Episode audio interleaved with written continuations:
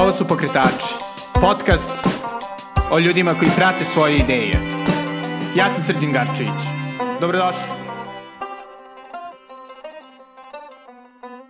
Ćao i dobrodošli u novu epizodu Pokretača. Današnji gost je pokretač moje omiljene pekare u Beogradu, pekarske radionice Hedon Fehmiju. Pričali smo o tome kako izgleda izučavanje pekarskog zanata i pravljanje fantastičnih beskvasnih hlebova, kao i stvaranje novog komšijskog mesta, pogotovo u kraju kao što je Dorćo. Svakako se nadam da ćete posetiti pekarsku radionicu, ako budete imali prilike, i bez duženja ovo je naš razgovor. Ako biste mogli uh, ukratko da ispričate dugu priču o početcima pekarske radionice. Ukratko, nije lako, ali ćemo da se potrudimo. Kao prvo, dobar dan svima koji slušaju i veliki pozdrav moje pekarskoj ekipi, pekarske radionice. A, moj brat odlazi u Ameriku 92. 93.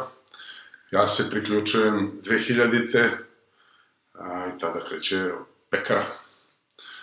A, nastavak mog ličnog samog pekarstva počinje 2008. odnosno 9. 10. i istraživanje tržišta šta Vojvodina daje od pšenice, od brašna i tako dalje. Pekara se otvara 2013. na Lionu, 2017. na Dorčovu, 2017. se takođe zatvara, nažalost, na Lionu. To je otprilike ukratko. Sad da ovaj, koristim malo kalambur. Klica. Pekarstva, ovaj, kako je zapravo uopšte započela prvo? u Americi e, onda? Moj brat sa, sa drugarima iz srednje škole videli su nešto malo drugačije, malo lepše.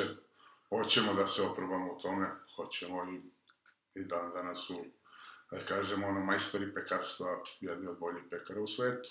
Aha, fantastično. Ovaj, gde se tačno nalazi pekare? Za naše slušalce? Jedna je u New Yorku, druga je u Bostonu, a, njihov drugar je otvorio u Sidneju, ili u Melbourneu, nisam tačno siguran, a, ima i ovde isto u Dobričinoj, znači ceo taj, a, ista familija, ista vrsta hleba, svi smo, da kažemo, ono, drugari, pekarska porodica, malo mm. veća. A vaš ovaj lični put ka, ka pekarstvu, jel ste ikada ranije imali pa, ikakve... Pa da je moj brat otvorio fabriku čokolade, verovatno bi ja radio sad čokoladu. Da. Eto, tako. Uz njega sam naučio ceo ovaj zanat. Da. I kako je zapravo bilo učiti pekarstvo? A, pa, malo lako, malo teško, mnogo lako, mnogo teško, i gore i dole. A otprilike, pošto ono, imam nula iskustva. Bitno je razumevanje šta se radi. Bitno je razumevanje a, temperatura vode, temperatura brašna, kvalitet brašna, a, temperatura prostorije i mnogo strpljenja, jer ova vrsta pekarstva je čekanje. Mi mhm. čekamo da dođe do fermentacije, da se napravi hemijski proces i da se napravi hleb kakav mi želimo i volimo. Čisto da se vratimo na tu, da kažem, tehničku stranu učenja pekarstva. Da li ste išli neke, da kažem, formalne kurseve ili Nikakvi, praksa? Nikakav, nikakav kurs, nikakva praksa, odnosno samo, samo praksa, praksa na licu mesta. Aha. I dobro, i ovaj, kada ste nekako osetili da možete da budete pekar? posle pet godina pekarstva sam osetio da mogu da budem pekar. Pre toga sam bio samo učenik, šegrt, da. pomoćni radnik. I šta je to bilo? Je možda bio jedan trenutak? Kada pa samo se desi. Aha, ovo je nešto interesantno. Lepo. Mm -hmm. Kvalitetno, dobro. Mislite za neki određeni hleb ili? Kada, kada napravite, ne, kada vaše ruke naprave nešto, to je počne da se ceni. Sami počnete da cenite to što radite. Pošto trenutno pekarska radionica ima koliko vrsta hleba? Mislim, više od 12? Pa da kažemo 12-15 vrsti hleba, na primjer, možda 20 proizvoda sve zajedno, da. možda malo više, ne znam tačno. I je li za svaki ovaj, potrebna posebno učenje ili? Da, ne baš za svaki pojedinačno, ali treba i razumevanje i znanje i učenje i praksa. Mm -hmm pekarska škola kod nas ne daje tu praksu. Koliko sam ja barem čuo. Imao sam, znači, jednog, kad, kad sam tražio radnika, došao mi jedan momak, kaže, ja sam završio pekarsku školu. Ja kažem, super, pokaži mi šta znaš. Kaže, ja, ovo, ja testo držim prvi put u rukama. Pa rekao, šta si ti tamo radio? Pa učili smo matematiku i fiziku. Tako da, praksa, praksa, praksa. Mislim, čisto kao nekome ko je i loš kuvar, a kamoli ovaj pekar. Pa mora malo i čovjek da ima, kako se kaže, osjećaj za, Da.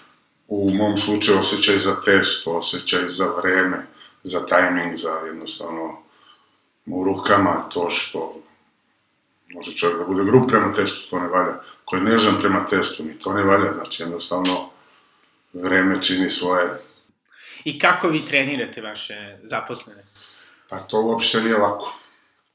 Pa krenemo od, od, od prvog i osnovnog, ovo je testo, pitni testo, ovo je jedan umes, pipneš testo, drugi, treći, peti, deseti, i onda posle pola sata opet pipni, pipni, pipni, pipni, i jel testo polako, polako kreće da fermentiše.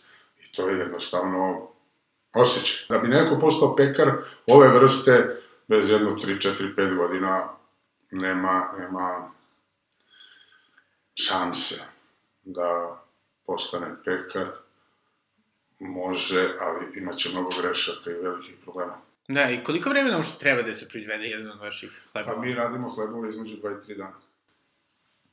Duga fermentacija, spora fermentacija, razrađivanje ugljenih hidrata, mnogo lakše za naš organizam u odnosu na hlebove koji imaju aditiva.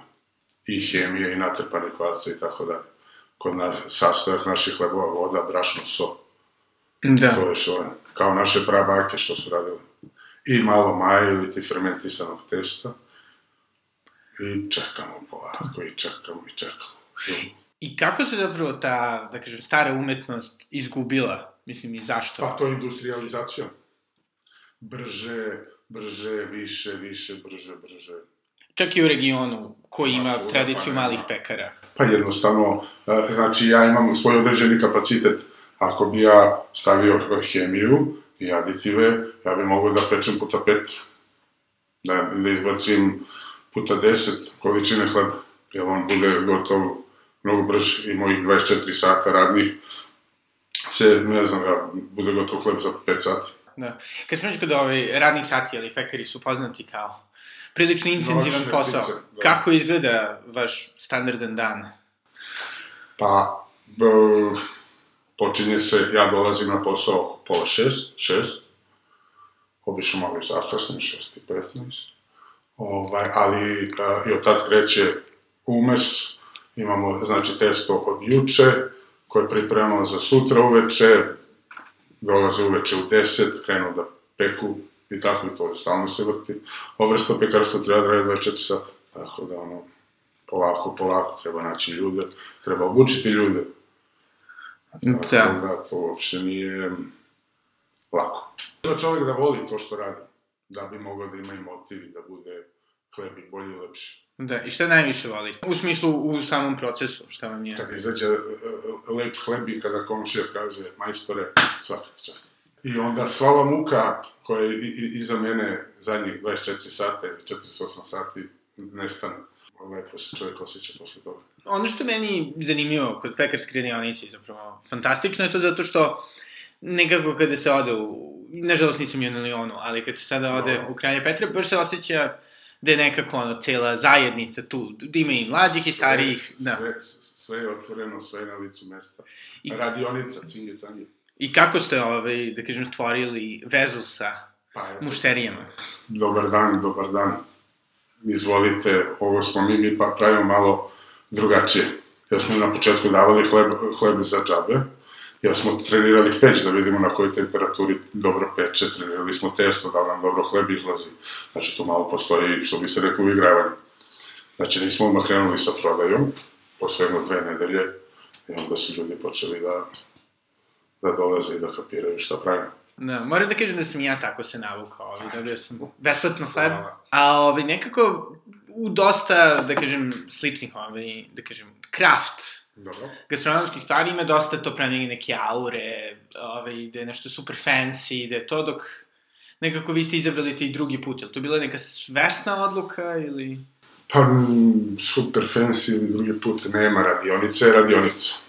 Onako što bi se rekao, cigla, drvo, brašno, voda, peć i pravljanje hleba. nema potrebe ni za čim drugim. Jel često osjećate da morate da objašnjavate Stalno mušterijama? moramo da objašnjamo mušterijama. Uđe mušterija, kaže, što su vam svi hlebovi izgoreli? Pekar zaspao. Ja kažem, komšinici ili komšija, u ovoj pekari nijedan hleb nikad nije izgoreo. Dobro pečen, kao nekada, tvrda crna korica čuva svežinu hleba.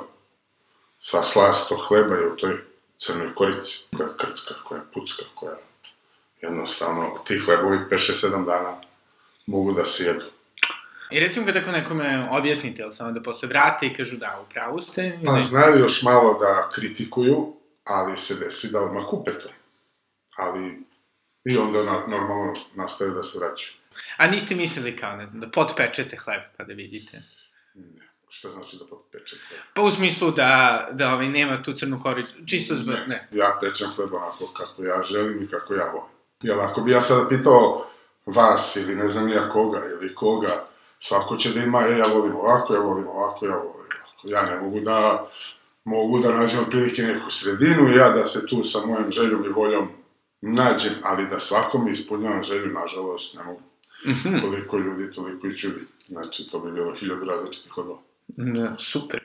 A samo, ovaj, kako uopšte izgleda, da kažem, razvoj novog proizvoda? Kako vam pad na pamet novi hleb? Pa eto, crni hleb. Znači, kažu da kod nas nema pravog crnog hleba. Navodno, 51% crnog brašna mora da bude u crnom hlebu. U odnosu 51%, ovo je ostalo belo brašno ili šta god da se ubaci. Ja sam rekao, ok, sad ćemo da napravimo 100% crni hleb. Od 100% crnog brašna sa 90% hidracijom. Znači, kilo brašna crnog Mhm. i 900 grama vode da se razumemo, znači, ako mi pravimo hlebove sa velikom količinom vode i zato su ti hlebovi više dana sveži i jestivi. I onda smo napravili, posle dan, dva, tri, napravili smo crni hleb sa 95% crnog brašna, s tim da je tih 5% ima belog brašna, zato što maja, ili ti fermentisano testo, ima u sebi belo brašno. Inače, u suštini, to je hleb od 100% crnog brašna. Ovde, a, isto mi nalazimo na problem, je kvalitet brašna.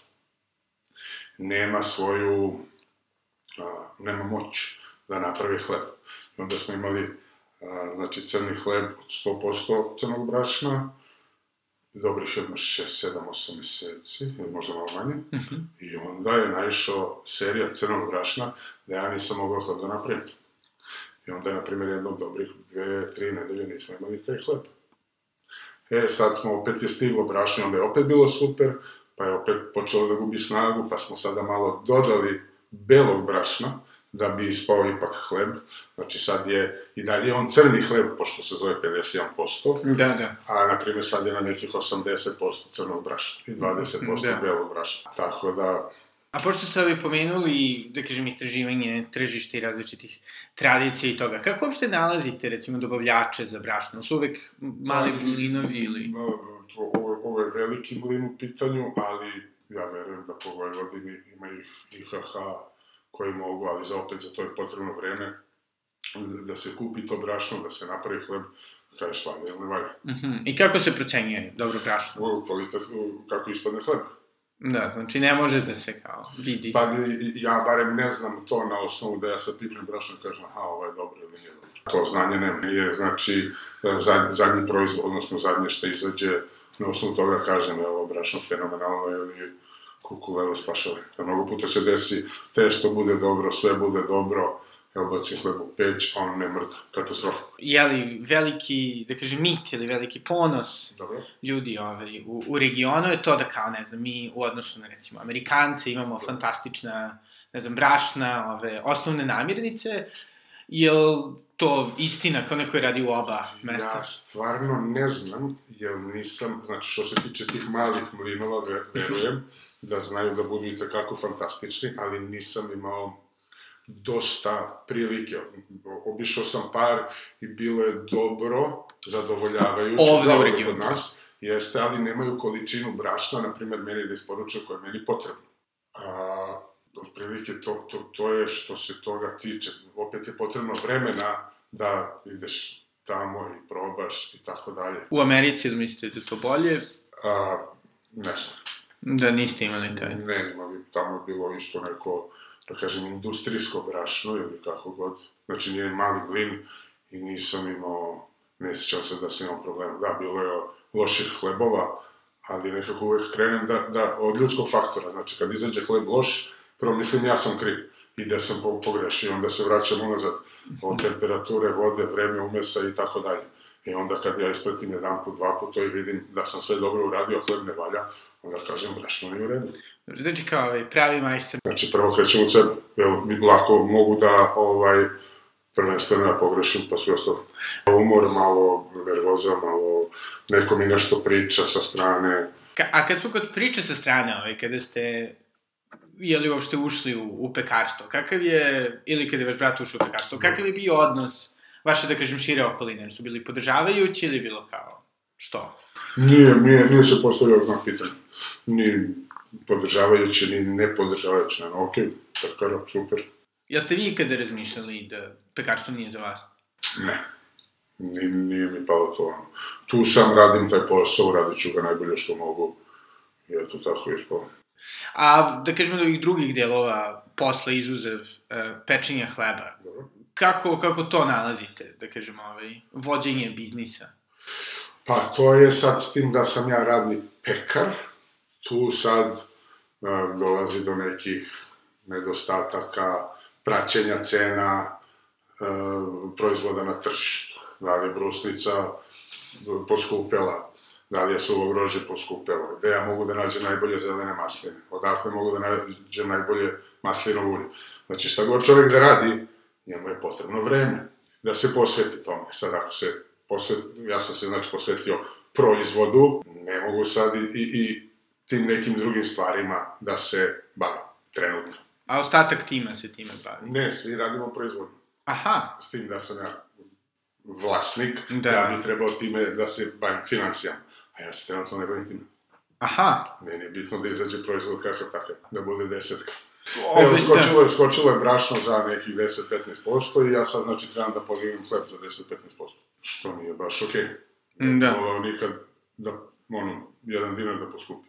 Da. da. Ja navikli ste nešto da kupujete i znate koliko čega šta i sad, e, a s tim da kod nas stalno nešto skače, znači ja bi trebao maltene na svaka tri meseca da dižem cenu. Mhm. To nije baš ni zahvalno, ni pametno. To dosta zvuči da zapravo skoro pa 90% vašeg vremena je isključivo u stvaranju proizvoda, Da. ne ovim, da kažem, biznis odlukama i to. Biznis odluka mi je možda 5% mog vremena. Prvenstveno se trudim da, znači ja imam ženski tim, ja i njih, kako se zove sedmoro, osmoro, da one budu srećne i zadovoljne. To mi je prvo i osnovno. E, onda idemo sve ostalo. I kako to To uspeva? funkcioniše, to tako, da kažem, funkcioniše. U, uspevam da, da svi budu sretni na smeh. O, dobro, to je ovaj, prilično... E, Prilično nije, nije, nije lako. da, da, a pritom i, da kažem, redak cilj, da kažem, ovaj, u Kad je, preduzetništvu. kad je kolektiv u pitanju, najteže je raditi sa ljudima. Uopšte i pekara, najteže je raditi sa ljudima. Ali ako svi razumemo, ako se svi razumemo i imamo neki cilj, da tako kažem, i imamo neki pravac, Da. nije problem. A kako mislite da to uspevate? Ne znam. Ali vidim da su, ono, srećni na smijeni. A kako ste birali tim, jel? Nisam birao, tako se desilo. Jedna po jedna su dolazili kod mene. Aha, fantastično. Tako da sudbina, mogu tako da kažem. Lepo, lepo. Bilo je njih koji su došli, pa su otišli. A šta vam je onako najteže? Jel postoji nekada neki trenutak da ste ja ne bih hteo? kad se probudim ujutru i od kuće do pekara, to mi je najteže. Aha, Odnosno dok sednem u kola, kad sam seo u kola već je... Eto, to mi. Ali kad uđem u pekaru, ko da... Nikakav problem. super, jel kafa pomaže? Ili... Ne pomaže, ali popijem dosta kafe dnevno, jer kako jedna dođe kuva, dođe druga kuva, dođe treća kuva, napijem se kafe, ne valja. Dobro, dobro. Ali ne pomaže. Mhm, super. Kafe je više nekako ono kolektivno, e sad ćemo popijemo kafe. Da, da. Nego što... I ovaj, jel planirate neke dodatne ekspanzije ovaj, u, u budućnosti? Sporo, planiramo, ali sporo, sigurno i plako. Aha. Ne nešto pretirano i veliko, nisam za što kaže Švabo, mali biznis, dobar biznis. Tako da nema potrebe da, onda, ja bih poludio to, Mm, Da, najiskrenije. da. A, ovaj, a samo što se tiče trenutnih proizvoda, koji vam je trenutno proizvod na koji ste najponosniji? A beskvasni hleb, hlebovi bez kvasta. Neki posebno ili? Ja kažem francuski, seoski, ili ti seljački, onako, pravi crni zapečeni. Mm, Da, koji inače i, ovaj, i moj omiljeni, moram da kažem, tako da. E, pa super. Eto, super. Po tome smo, ovaj, da kažem, prepoznatljivi. Imamo još 3-4 vrste koje su beskvasni, ali taj mi je nekako najviše k srcu. Jel postoji neki novi proizvod koji vam je sada ambicija da ubacite? A, pa s tim da ide nova godina, sada trenutno ne, pošto je gužva, da ne bi pogrešili da. negdje. Ali, znači, bacit ćemo sandviče, bacit ćemo možda neke ceđene sokove, a, kafe, sve što ide u tom nekom duhu. Možda ćemo da imamo neke specijale, e, o, o, ovaj mesec, petak i subota izbacujemo, ne znam, hleb sa tim i tim. E, onda sledeći mesec, znači, opet specijal, hleb sa tim i tim. Da. Tako da, a, ja kako doživljam testo kao belo parče papira. Možemo da nastavimo šta god hoćemo. U Testo možemo da ubacimo šta god želimo.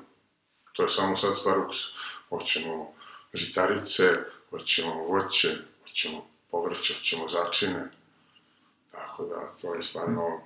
A kako ovaj, dobijete in- inspiraciju, ili pratite šta radi? Konkurencija, uslovno rečeno. Pa, pratim, jer volim da znam, ovaj, a sad kako dobijem, ne znam, kao za crni, aha, ovde nema crnog hleba, sad ćemo da ga napravimo.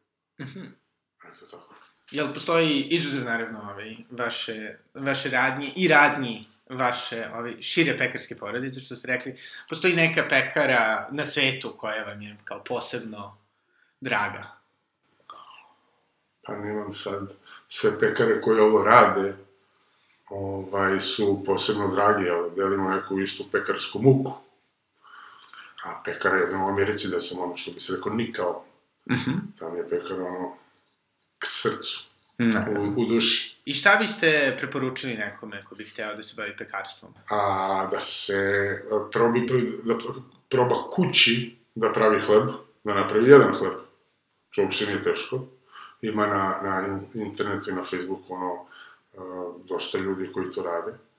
Znači, prvo kućna varijanta da, da, da proba, e onda ako je spreman, pa neka napravi pet hlebova pa da vidi kako to ide. Jer baš sada, ako neko ko ne zna i da, e, ja hoću da postanem pekar, to je malo teže da se desi. To se obično desi, otac poslao sina, idi tamo da izučiš zanat, ili već kako god, pratiš starijeg brata, ne vidim.